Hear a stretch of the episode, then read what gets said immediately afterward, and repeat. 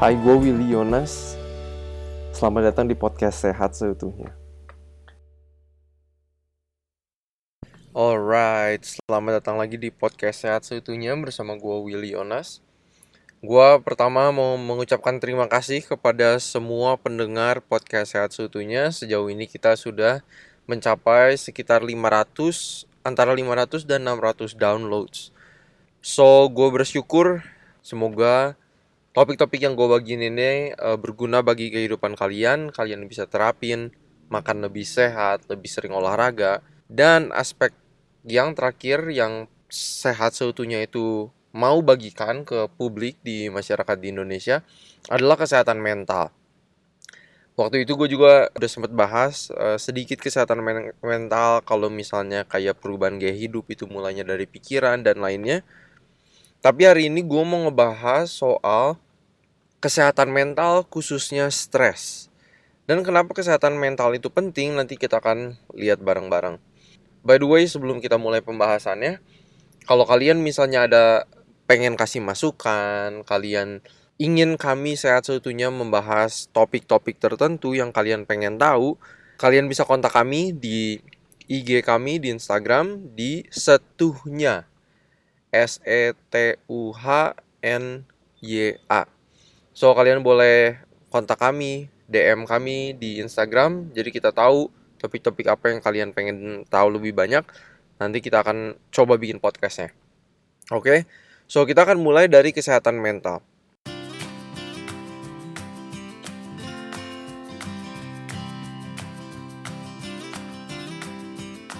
Gue mau mulai podcast ini dengan sebuah cerita.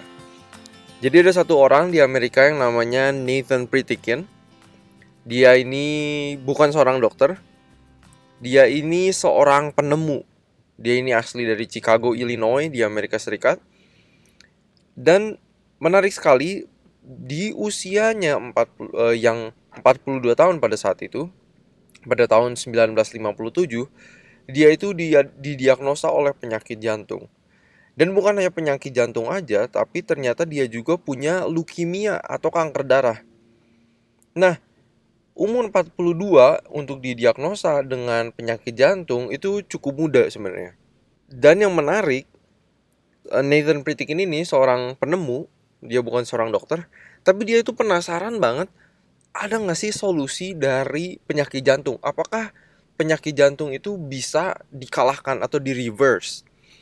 Jadi dia saat itu setelah didiagnosa dia cari research paper ya publikasi-publikasi medis yang menunjukkan pola makan itu bisa menolong orang-orang yang punya sakit jantung. Akhirnya dia banyak banget baca research mengenai hal ini dan dia banyak sekali menemukan dari research-research yang ada pada zaman itu bahwa kalau dia mengadaptasi pola makan plant-based diet yang rendah lemak tinggi serat, dia bisa mereverse atau mengalahkan penyakit kardiovaskular yang dia sudah punya atau penyakit jantung.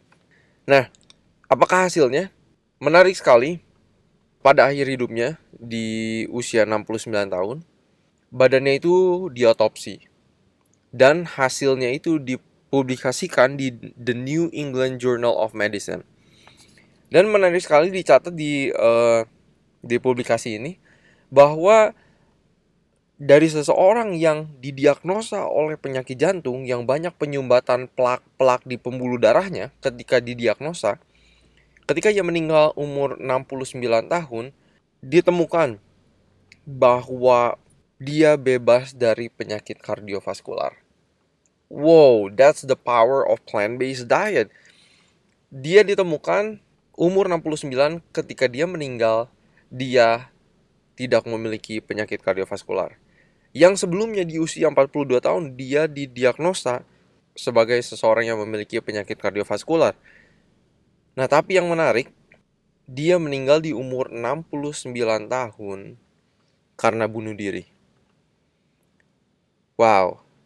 Menarik gak sih seseorang yang mereverse, mengalahkan penyakit kardiovaskular, penyumbatan pembuluh-pembuluh darah, dari lemak-lemak yang ada di jantungnya dia kalahkan dengan plant based diet, dengan exercise juga, dengan lifestyle change karena Nathan Pritikin ini terkenal sebagai salah satu pionir dari lifestyle medicine.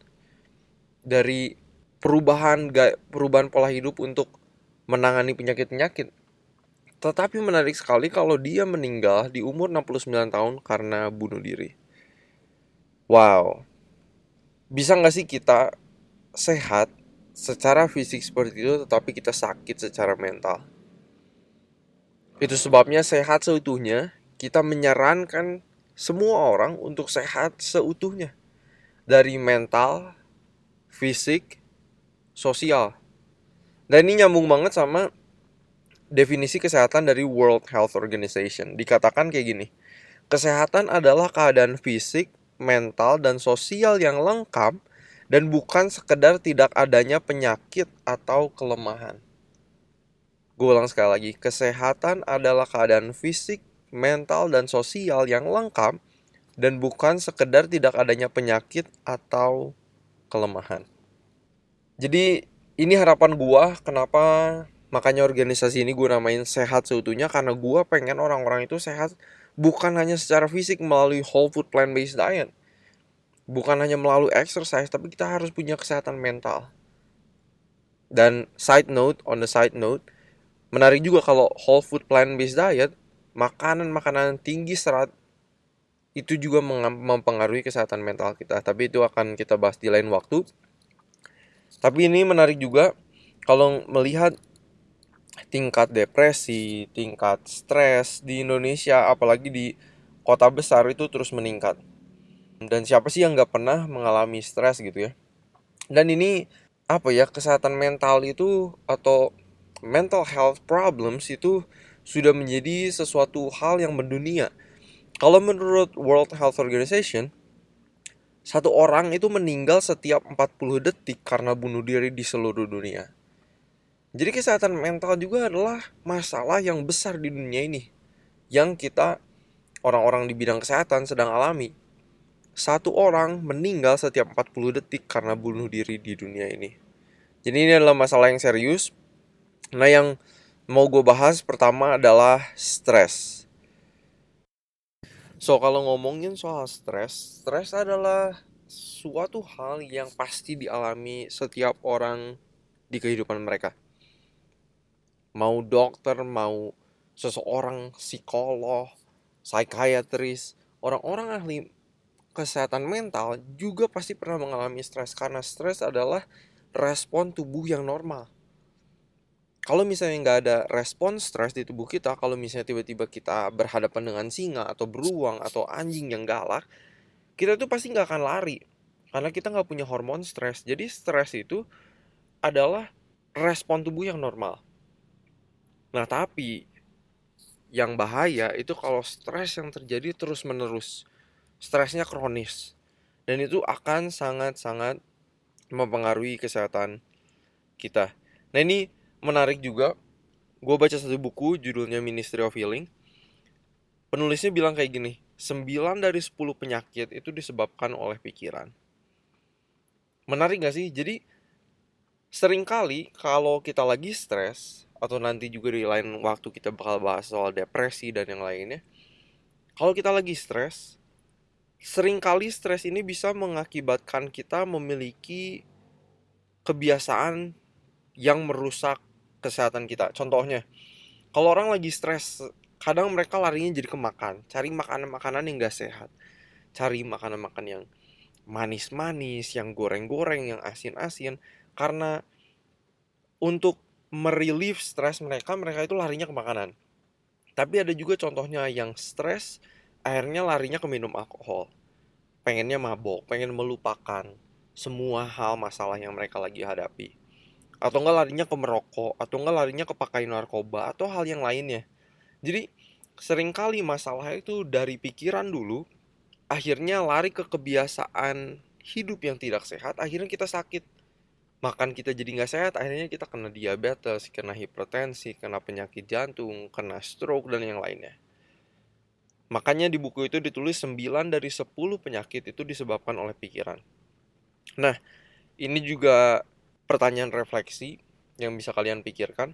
kalau misalnya kalian lagi stres, apa sih yang kalian lakuin? Apakah kalian jadi ngurung diri? Apakah kalian larinya ke makanan? Apakah kalian jadi minum alkohol? Apakah respon untuk merelief stres kalian itu hal yang positif atau hal yang malah bikin kalian tuh nggak sehat?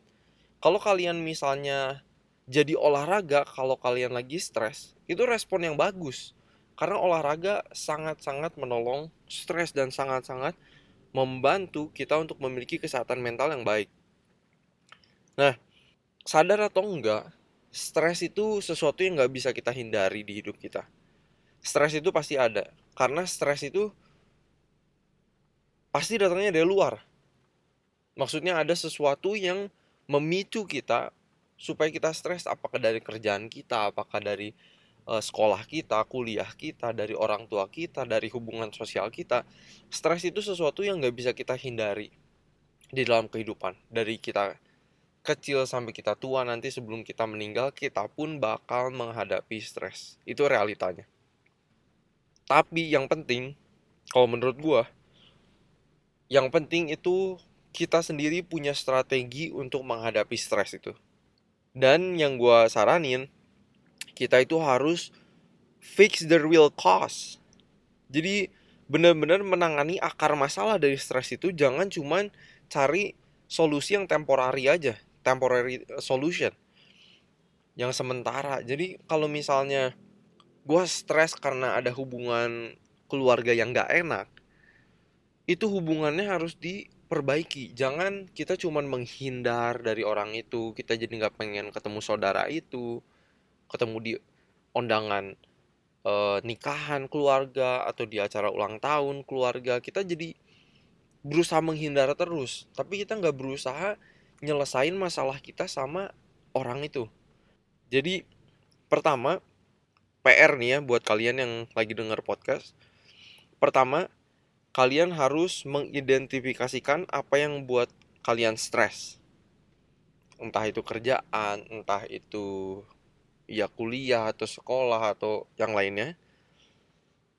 Udah gitu setelah kalian identifikasi apa yang buat kalian stres biasanya udah gitu kalian harus buat strategi. Dan yang gue saranin tulis di kertas skenario nya kayak gimana yang bikin kalian stres udah gitu kalian coba tulis apa sih beberapa strategi yang kalian bisa bikin untuk mengurangi stres itu jadi contohnya kalau gue secara pribadi, yang bikin gue stres itu sering kali adalah last minute stuff.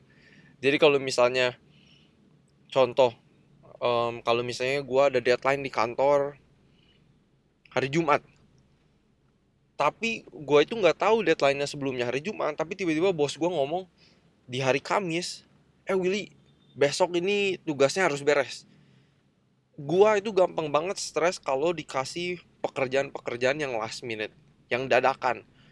Karena gua orangnya seneng kerja itu jauh-jauh sebelum deadline. Jadi gua nggak stres. Nah, jadi nomor satu gue udah tahu nih apa yang bikin gua stres, last minute stuff. Udah gitu, oke, okay, strateginya apa?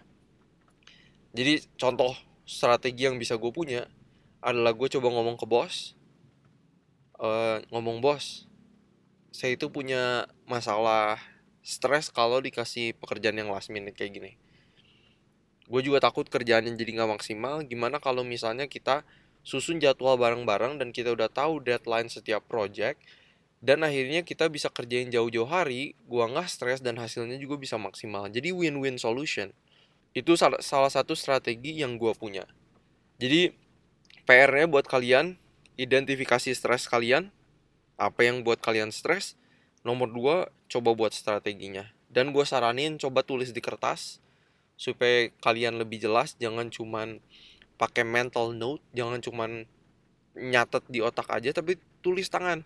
Karena itu akan sangat ngebantu juga. So itu yang mau gue bagikan. Semoga ini menjadi berkat buat kalian. Uh, podcast pertama soal kesehatan mental. Kita akan bahas di podcast-podcast selanjutnya juga mengenai kesehatan mental. So, Stres, hati-hati dengan stres. Gue harap kita bisa sehat seutuhnya secara fisik, mental, dan sosial. Jadi bukan cuma secara fisik. Dan kalau lu udah makan whole food plant-based diet, that's awesome, amazing, and great. Karena banyak sekali manfaatnya, tapi jangan lupa juga kesehatan mental. Jadi, identifikasi hal-hal yang bisa buat kalian stres, dan buat strateginya. Ingat sekali lagi, stres sesuatu yang kita tidak bisa dihindari dalam kehidupan, tapi kita bisa bikin strategi untuk menghadapi stres. Dan ingat juga, 9 dari 10 penyakit itu bisa disebabkan dari pikiran kita. Karena kalau kita stres, kita bisa lari ke kebiasaan-kebiasaan yang merusak tubuh kita. Kayak makan makanan yang gak sehat, yang asin-asin, yang goreng-goreng, yang manis-manis, terus bisa ngerokok, bisa ke alkohol, dan yang lainnya. So itu yang mau gue bagikan. Semoga ini membuat kita semakin sehat seutuhnya. Dan stay tune, ikutin terus podcast-podcast kita selanjutnya. Ingat lagi kalau misalnya kalian punya pertanyaan, saran-saran untuk podcast ini, kalian bisa kontak kita di Instagram di setuhnya. Kontak kita, jangan sungkan-sungkan. Semoga kita bisa terus menjadi berkat buat kalian. So itu, salam sehat dari gua Willy Yonas.